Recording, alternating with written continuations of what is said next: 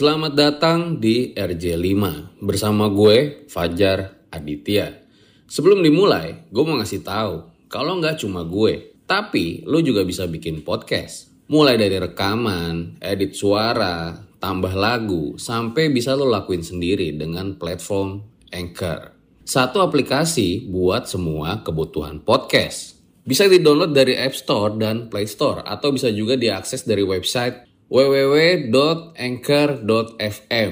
Gak cuma buat, tapi lo juga bisa langsung share dan publish hasil rekaman lo ke Apple Podcast, Spotify, Stitcher, dan lain-lain dari Anchor ini. Yang paling penting, Anchor ini gratis.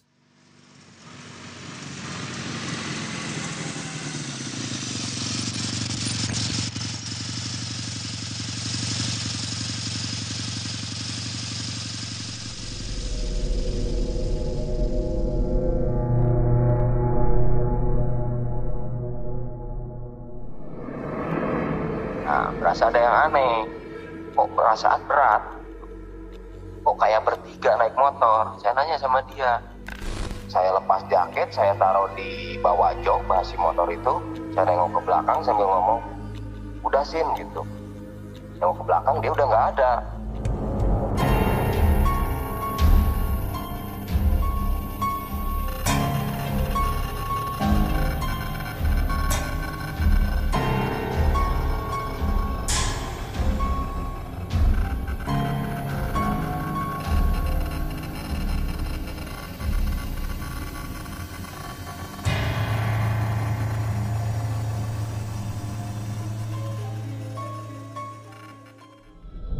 Kembali lagi bersama gua Fajar Aditya dan gue ucapkan selamat datang kembali buat kalian untuk menemani kalian yang masih di rumah aja. Anyway, kemarin itu sempat viral di Twitter dan berbagai medsos lainnya mengenai kisah seorang driver ojol yang mengantarkan penumpangnya yang bernama Cindy. Jadi awalnya driver ojol ini komen di salah satu video YouTube jurnal Risa dan dari situlah ternyata komennya menjadi viral. Oleh karena itu, di episode kali ini kita sudah langsung tersambung dengan driver ojol tersebut. Akan tetapi karena kita beda kota dan masih ada protokol corona, makanya kita hanya bisa melalui voice call saja. Selamat malam Kang Herman. Selamat malam, Abang. Mengantarkan seorang penumpang yang ternyata belakangan lo tahu kalau dia sudah meninggal. Apa yang lo rasakan pada saat itu? Kalau boleh jujur sih ya, eh, sampai saat ini pun saya belum tahu pasti eh, penumpang yang saya antar itu sudah meninggal apa belum. Kabar meninggal itu saya dengar langsung dari rekan-rekan ojol yang di Subang. Saya belum pernah ketemu sama pihak keluarganya. Baik, tapi mengapa pada saat itu banyak yang meyakinkan lo kalau penumpang tersebut sudah meninggal? Hmm, dengar kabar berita dia meninggal dari rekan-rekan ojol sih. Mereka sudah telusuri ke daerah di mana itu penumpang yang saya antarkan turun, bahkan ke area rumahnya. Dia, eh, apa rekan-rekan saya dapat kabar kalau penumpang yang saya bawa itu sudah meninggal empat tahun yang lalu. Baik, dan kalau boleh tahu tujuan lo komen di salah satu video jurnal Risa apa ya Kang? Eh, itu yang bikin saya penasaran dengan apa eh, omongan dia, omongan penumpang yang saya bawa gitu dengan pengakuannya itu ingin saya tanyakan ke tim jurnalisa itu gitu. Saya kan nggak ada maksud apa pun ya. Awalnya hanya ingin tahu benar enggak gitu. Ada enggak kru yang namanya Cindy tersebut gitu. Tapi alhamdulillah sekarang sudah tahu jawabannya dari tim jurnalisa tersebut bahwa di kru tim jurnalisa nggak ada yang namanya Cindy. So, langsung saja berikut adalah ceritanya.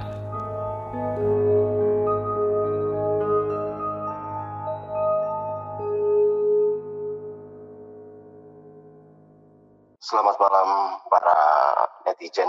Mungkin di sini saya akan menceritakan kejadian hal yang saya alami sekitar pertengahan tahun 2018. Cerita ini berawal dari perjalanan saya mengantarkan orderan dari Cihamplas ke Jalan Maleber. Itu posisi hujan. Uh, setelah sampai tujuan, uh, customer yang saya mau kirim barang yang tujuh itu alamatnya tidak jelas berawal dari situ setelah berjam-jam uh, ya lumayan agak lama uh, saya menemukan dia akhirnya ya dengan rasa kesal sedikit emosi uh, saya melakukan perjalanan pulang dari sana nah karena hujan semakin deras saya coba untuk berteduh sebentar sambil uh, merokok. Posisi di warung dekat pohon besar. Nah setelah itu saya coba akan kembali melanjutkan perjalanan, tapi tiba-tiba terpeleset. Entah kenapa, saya pun nggak tahu. Cuma alhamdulillah nggak jatuh. Nah, melakukan perjalanan, hmm, tepatnya ada lampu merah. Saya berhenti di sana, tiba-tiba ada rekan Ojo yang menghampiri saya.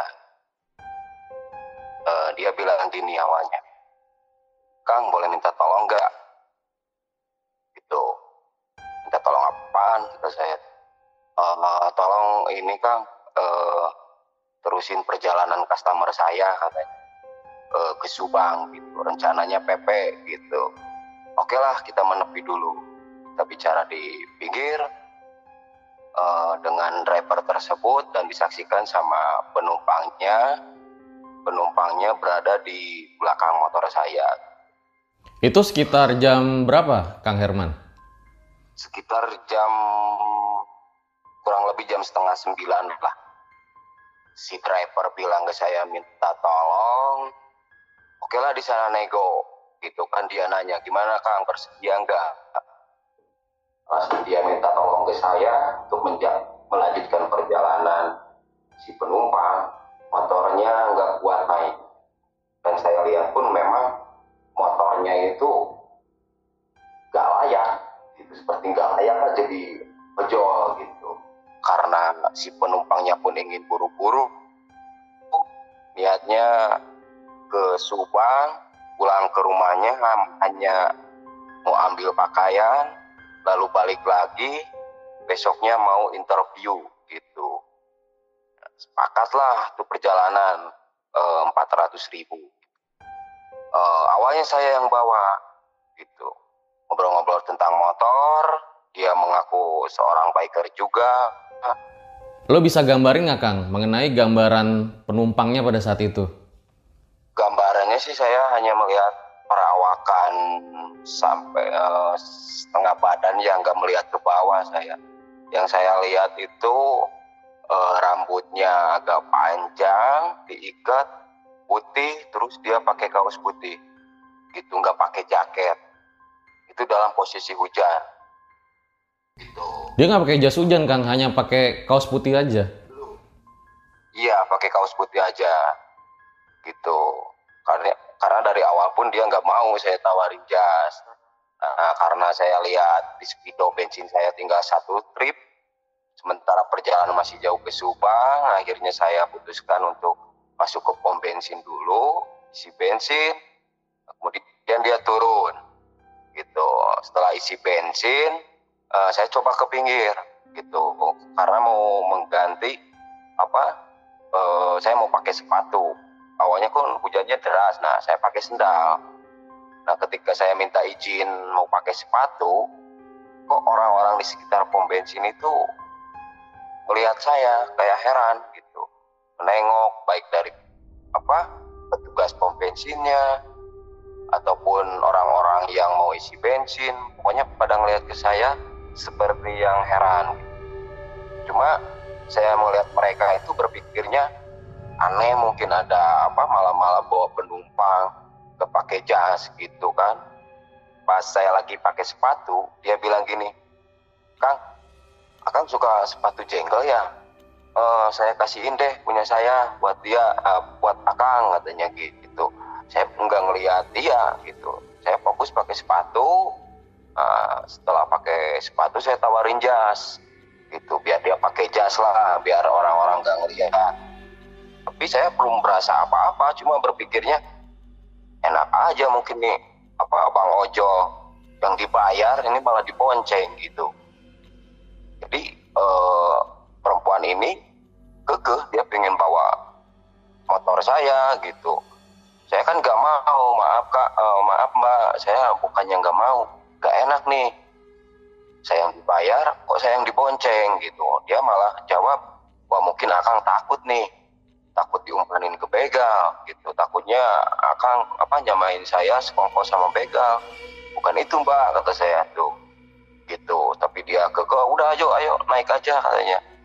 Nah jalanlah dari pom uh, meskipun ya orang-orang melihat saya keheranan ya saya tetap berpikiran positif gak jauh keluar dari pom bensin uh, dia bilang gini tuh kalau saya bawa sapu tangan itu kucing mati saya kuburin. Gitu. Kan aneh juga lah. Ini jalan agak kebut kok dia bisa lihat kucing mati gitu. Tapi lo lihat ada kucing yang mati emang Kang? sepintas. Sepintas saya lihat putih-putih gitulah di bawah gitu karena melirik juga ke belakang cuma nggak jelas itu kucing atau bukan gitu. Nah itu lagi di perjalanan uh, dia ngajak ngobrol saya terus gitu. Nah berasa ada yang aneh kok perasaan berat gitu. kok kayak bertiga naik motor saya nanya sama dia pak berasa nggak motor kayak berat? Kok kita merasa jadi bertiga? Iya bang. Eh iya kang kata oh jangan-jangan ini akang. Yang yang gitulah. Nah, ini pasti akang nih punya ini ini ini. Enggak saya hanya cuma Tuhan punya Tuhan saya. Saya hanya punya Allah kata saya tuh gitu. E, gini kang dia cerita uh, apa uh, selain kuliah kegiatan saya itu video video YouTube hal yang berbau mistis. Menggali-gali tempat-tempat yang aroma mistisnya kental gitu.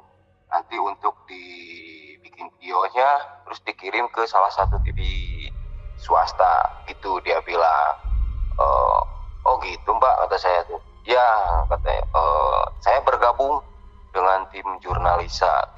Dia ngakunya tim jurnalisa kalau misalkan abang mau uh, akang tahu daerah-daerah mistis boleh saya antar ke sana terus uh, dia mau mengganti drivernya itu yang tadi bawa itu sama saya gitu. Akang mau nggak? Katanya.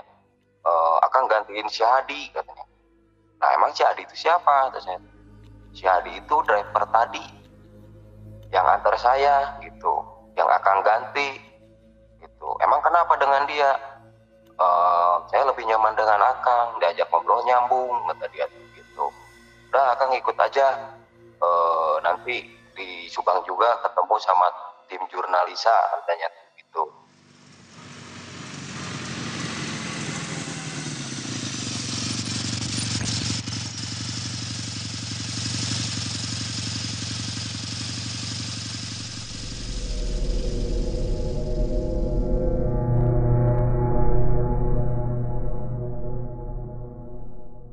Hai, sebelum kita lanjut, kenalan dulu yuk sama partner misteri gua. Namanya Anchor. Anchor ini adalah all-in-one podcast editing platform yang membuat gue lebih mudah untuk rekaman, edit suara, tambah lagu, dan segala hal dalam pembuatan podcast yang sedang kamu dengerin kali ini. Anchor bisa membantu kamu bikin podcast kamu sendiri Caranya tinggal download dari App Store dan Play Store atau bisa juga diakses di www.anchor.fm. Jadi buruan download Anchor sekarang.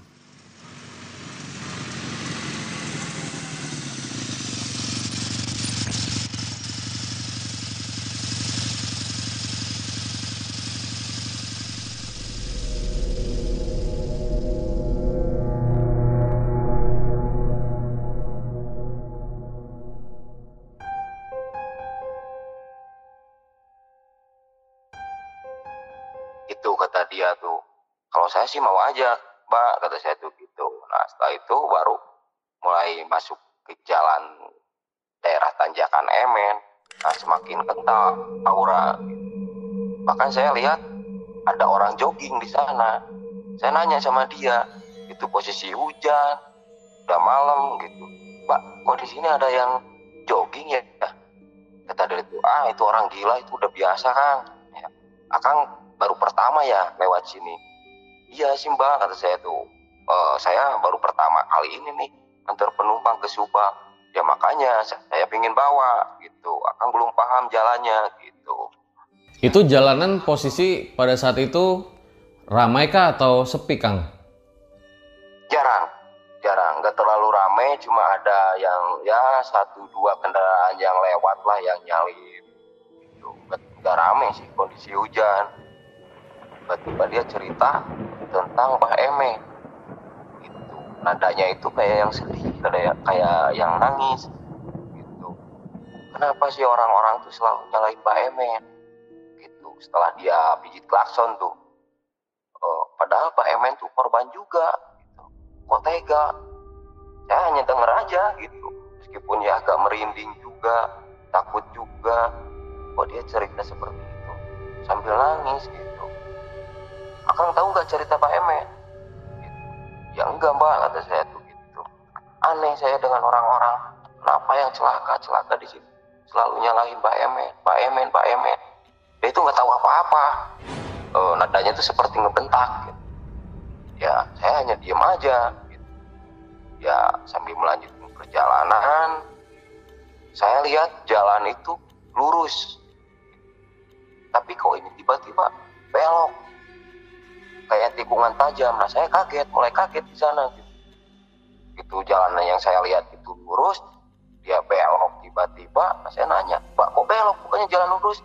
Ya ini alasan saya yang bawa, katanya begitu. Coba kalau akang yang bawa celaka gitu. Nah udah mulai saya di sana, mulai cikir, mulai istighfar, mulai takut bener-bener. Tiba-tiba dia itu minta dilepas jas hujannya gitu. Kang tolong bukain dong. Uh, jas hujan gerah nih kata dia tuh. Saya lepas. Yang pertama dibuka itu tangan kanan. Jas tangan kanan.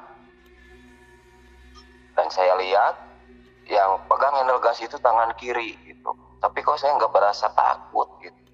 Karena mungkin dibarengi istighfar itu ya jikir itu gitu di sana saya mulai agak-agak lega karena udah mulai apa lihat-lihat lampu, lihat-lihat penerangan jalan, terus lihat kayaknya agak masuk ke kota-kota gitulah Subangnya itu ada yang nongkrong meskipun nggak banyak gitu.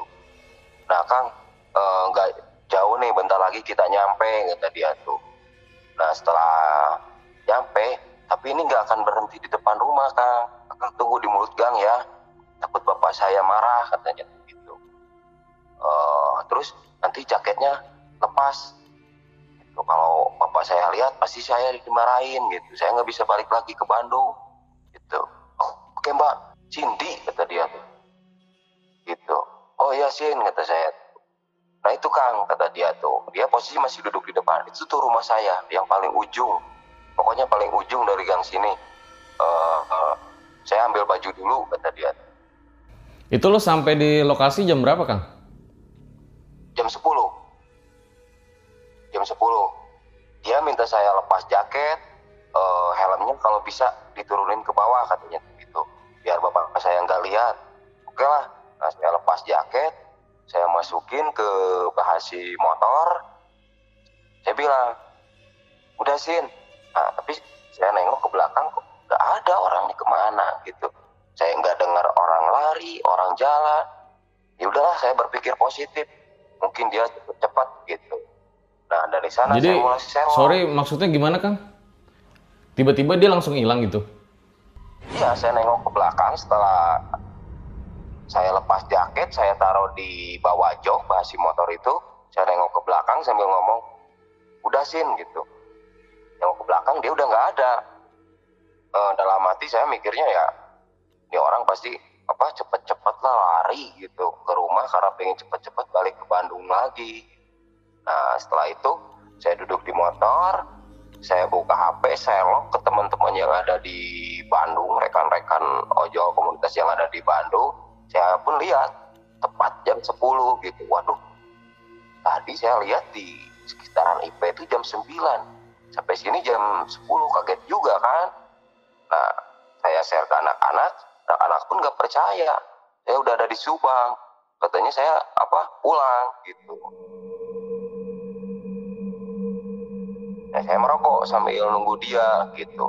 Setelah beberapa batang rokok saya habiskan, baru kerasa nih saya pengen buang air kecil gitu. Nah, rasa bau apa mau buang ke air kecil baru saya sadar oh ini lama juga nih nunggunya gitu. Saya lihat ya udah jam 11 lebih ini ke mana orang. Saya masuk ke gang yang menuju rumah dia, terus saya menuju ke rumah dia yang dia tunjukin itu kan paling ujung katanya, paling ujung. Nah, saya sampai di sana kaget juga. Oh, ini rumah gelap. Nah, saya balikin coba motor tuh. E, penerangan tuh tepat ke rumahnya lah. Gak ada gordeng. Itu lampu depan pun gak nyala. Aneh juga, nah sana mulai merinding. Ya, akhirnya saya nyari-nyari warga yang di sekitaran sana lah. Gitu. Oh, dalam kondisi hujan, masih hujan, cuma agak kecil. Nyari-nyari tuh losur, nemu lah warga di sana. Saya nanya, maaf pak, malam saya driver ojol nih, anterin penumpang dari Bandung ke sini. Apa benar warga sini ada yang namanya Cindy? Aduh kagak ada nih kan katanya. Gitu. Saya cari lagi. Tuh penduduk sana udah jarang kan, udah malam kan. Bingung nih. Malam kalau mau bermalam di Subang mau di mana tidur? Balik ke Bandung takutnya bener-bener diumpanin ke begal gitu. Akhirnya saya jalan ke kota. Nanya-nanya gitu di mana tongkrongan anak-anak ojol gitu. Ya berhentilah saya di sebuah warung gitu sambil beli rokok. Nanya si yang jualan itu masih tahu ngasih petunjuk arahnya nanti ke sini ke sini nanti ketemu itu di sana ada base camp kata dia. Ya udahlah saya ke sana putusin ke sana. Alhamdulillah saya ketemu sama rekan-rekan ojol nah saya ceritakan lah eh, kronologisnya perjalanan dari Bandung sampai ke sini. Terus mereka tenangin saya dulu kasih minum. Nah setelah beberapa menit mereka pun nemenin saya dan minta ditunjukin ke daerah tersebut sampai menuju rumahnya. Uh, kurang lebih ada empat orang yang nemenin saya sampai ke lokasi tersebut dan tunjukin rumahnya. Tiba-tiba di setelah tiba di depan rumahnya itu mereka pun keheranan rumah kosong. Memang benar-benar rumah nggak berpenghuni, udah kotor, kumuh, gelap akhirnya mereka yang ngajak saya udah kang kita balik lagi ke base camp. Itu kang rumahnya itu apakah ada tetangga-tetangganya ataukah memang di sana hanya kebun sekitarnya? Kalau yang saya ingat itu rumah-rumah kawasan penduduk agak padat. Cuma eh, jarang. Terus yang saya masih ingat itu ada rumah petak-petak kayak kontrakan gitu. Ada gerobaknya juga gitu udah kan istirahat aja dulu di sini. Uh, uh, balik pun ya bahaya kata dia kata mereka tuh. Nah ini saya putuskan bermalam di sana. Tiba dan subuh ya sekitar jam limaan saya balik ke Bandung. Saya pamit uh, karena ya mungkin saya pun harus aktivitas lah. Tapi mereka uh, janji sama saya saya eh, kami akan sweeping ke daerah tersebut katanya. Tapi besok karena sekarang udah malam gitu. ya oke deh saya putusin balik. Subuh sekitar jam 7 pagi lah saya sampai rumah sampai Bandung. Saya cerita sama istri.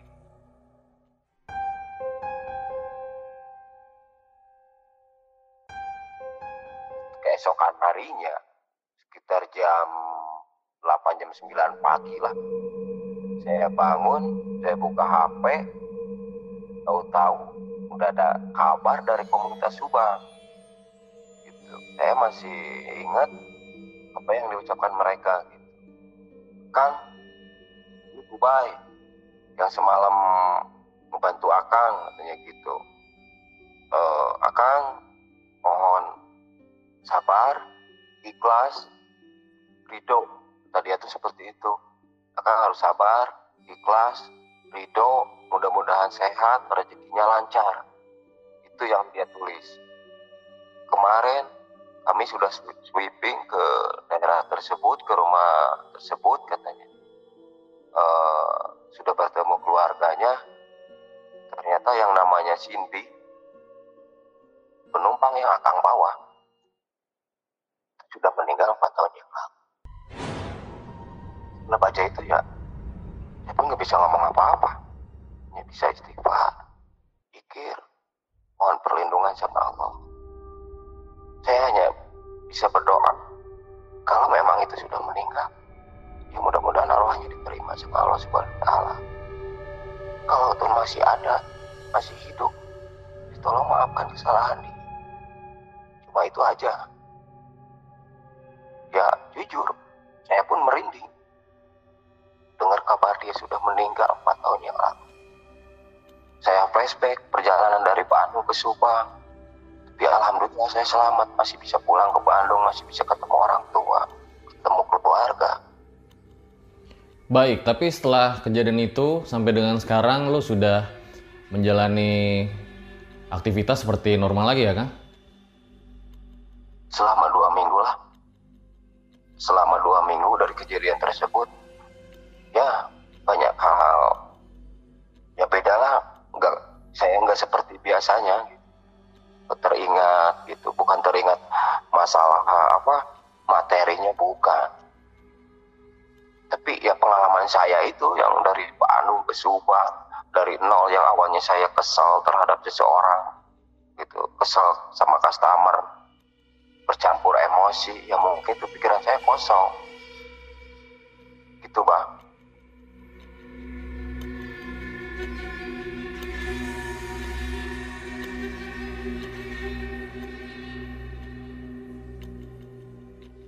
Itu dia guys, sebuah kisah yang sangat luar biasa sekali dari Kang Herman. Tapi sebelum gua akhiri, ada beberapa pertanyaan yang mungkin kalian juga penasaran nih. Kang, sebelum lo mengalami pengalaman ini, apakah lo pernah mengalami hal-hal mistis lainnya juga? Kalau dulu sih ada, cuma gak terlalu seperti inilah. Baik, ini berarti salah satu yang mungkin tidak bisa lo lupakan ya Kang? Iya. Baik, dan cerita lo ini kan viral nih, ada di mana-mana ya Kang. Pasti kan nanti ada pro kontra tuh. Nah, tang tanggapan lu terhadap yang kontra kayak nggak percaya atau mengatakan cerita ini hoax tuh gimana? Ya jujur sih awalnya saya begitu berita ini mencuat terus beraneka ragam uh, komen dari netizen ya awalnya kaget juga gitu kan. Ternyata komennya itu lebih horor dari cerita yang saya alami gitu. Tapi alhamdulillah sampai saat ini saya nanggapi mereka itu positif. Itu toh nggak ada faedahnya lah kalau saya apa coba kalau lu yang ngalamin coba kalau lu bener-bener kayak gua lu mau gimana jadi mungkin kalau netizen mau apa komen apa pun ya terserah. Ya mungkin suatu saat akan balik ke mereka juga. Pesan apa yang lo pengen sampaikan ke netizen? Saya benar-benar mengalami hal tersebut. Tapi saya sampai saat ini belum tahu kabar pasti bahwa penumpang yang saya bawa itu yang ingin dipanggil Cindy sudah meninggal apa belum. Sampai saat ini saya belum tahu kabarnya kabar meninggal Cindy udah apa empat tahun yang lalu itu pun dari rekan-rekan driver ojol yang di kalau toh emang dia sudah meninggal saya hanya berdoa sama Allah Subhanahu wa taala mudah-mudahan diampuni segala dosa-dosanya. Kalaupun dia masih hidup ya Allah mohon maafkan dia. Baik terima kasih Kang udah menyempatkan waktu bercerita di RJL nih. Sama-sama Bang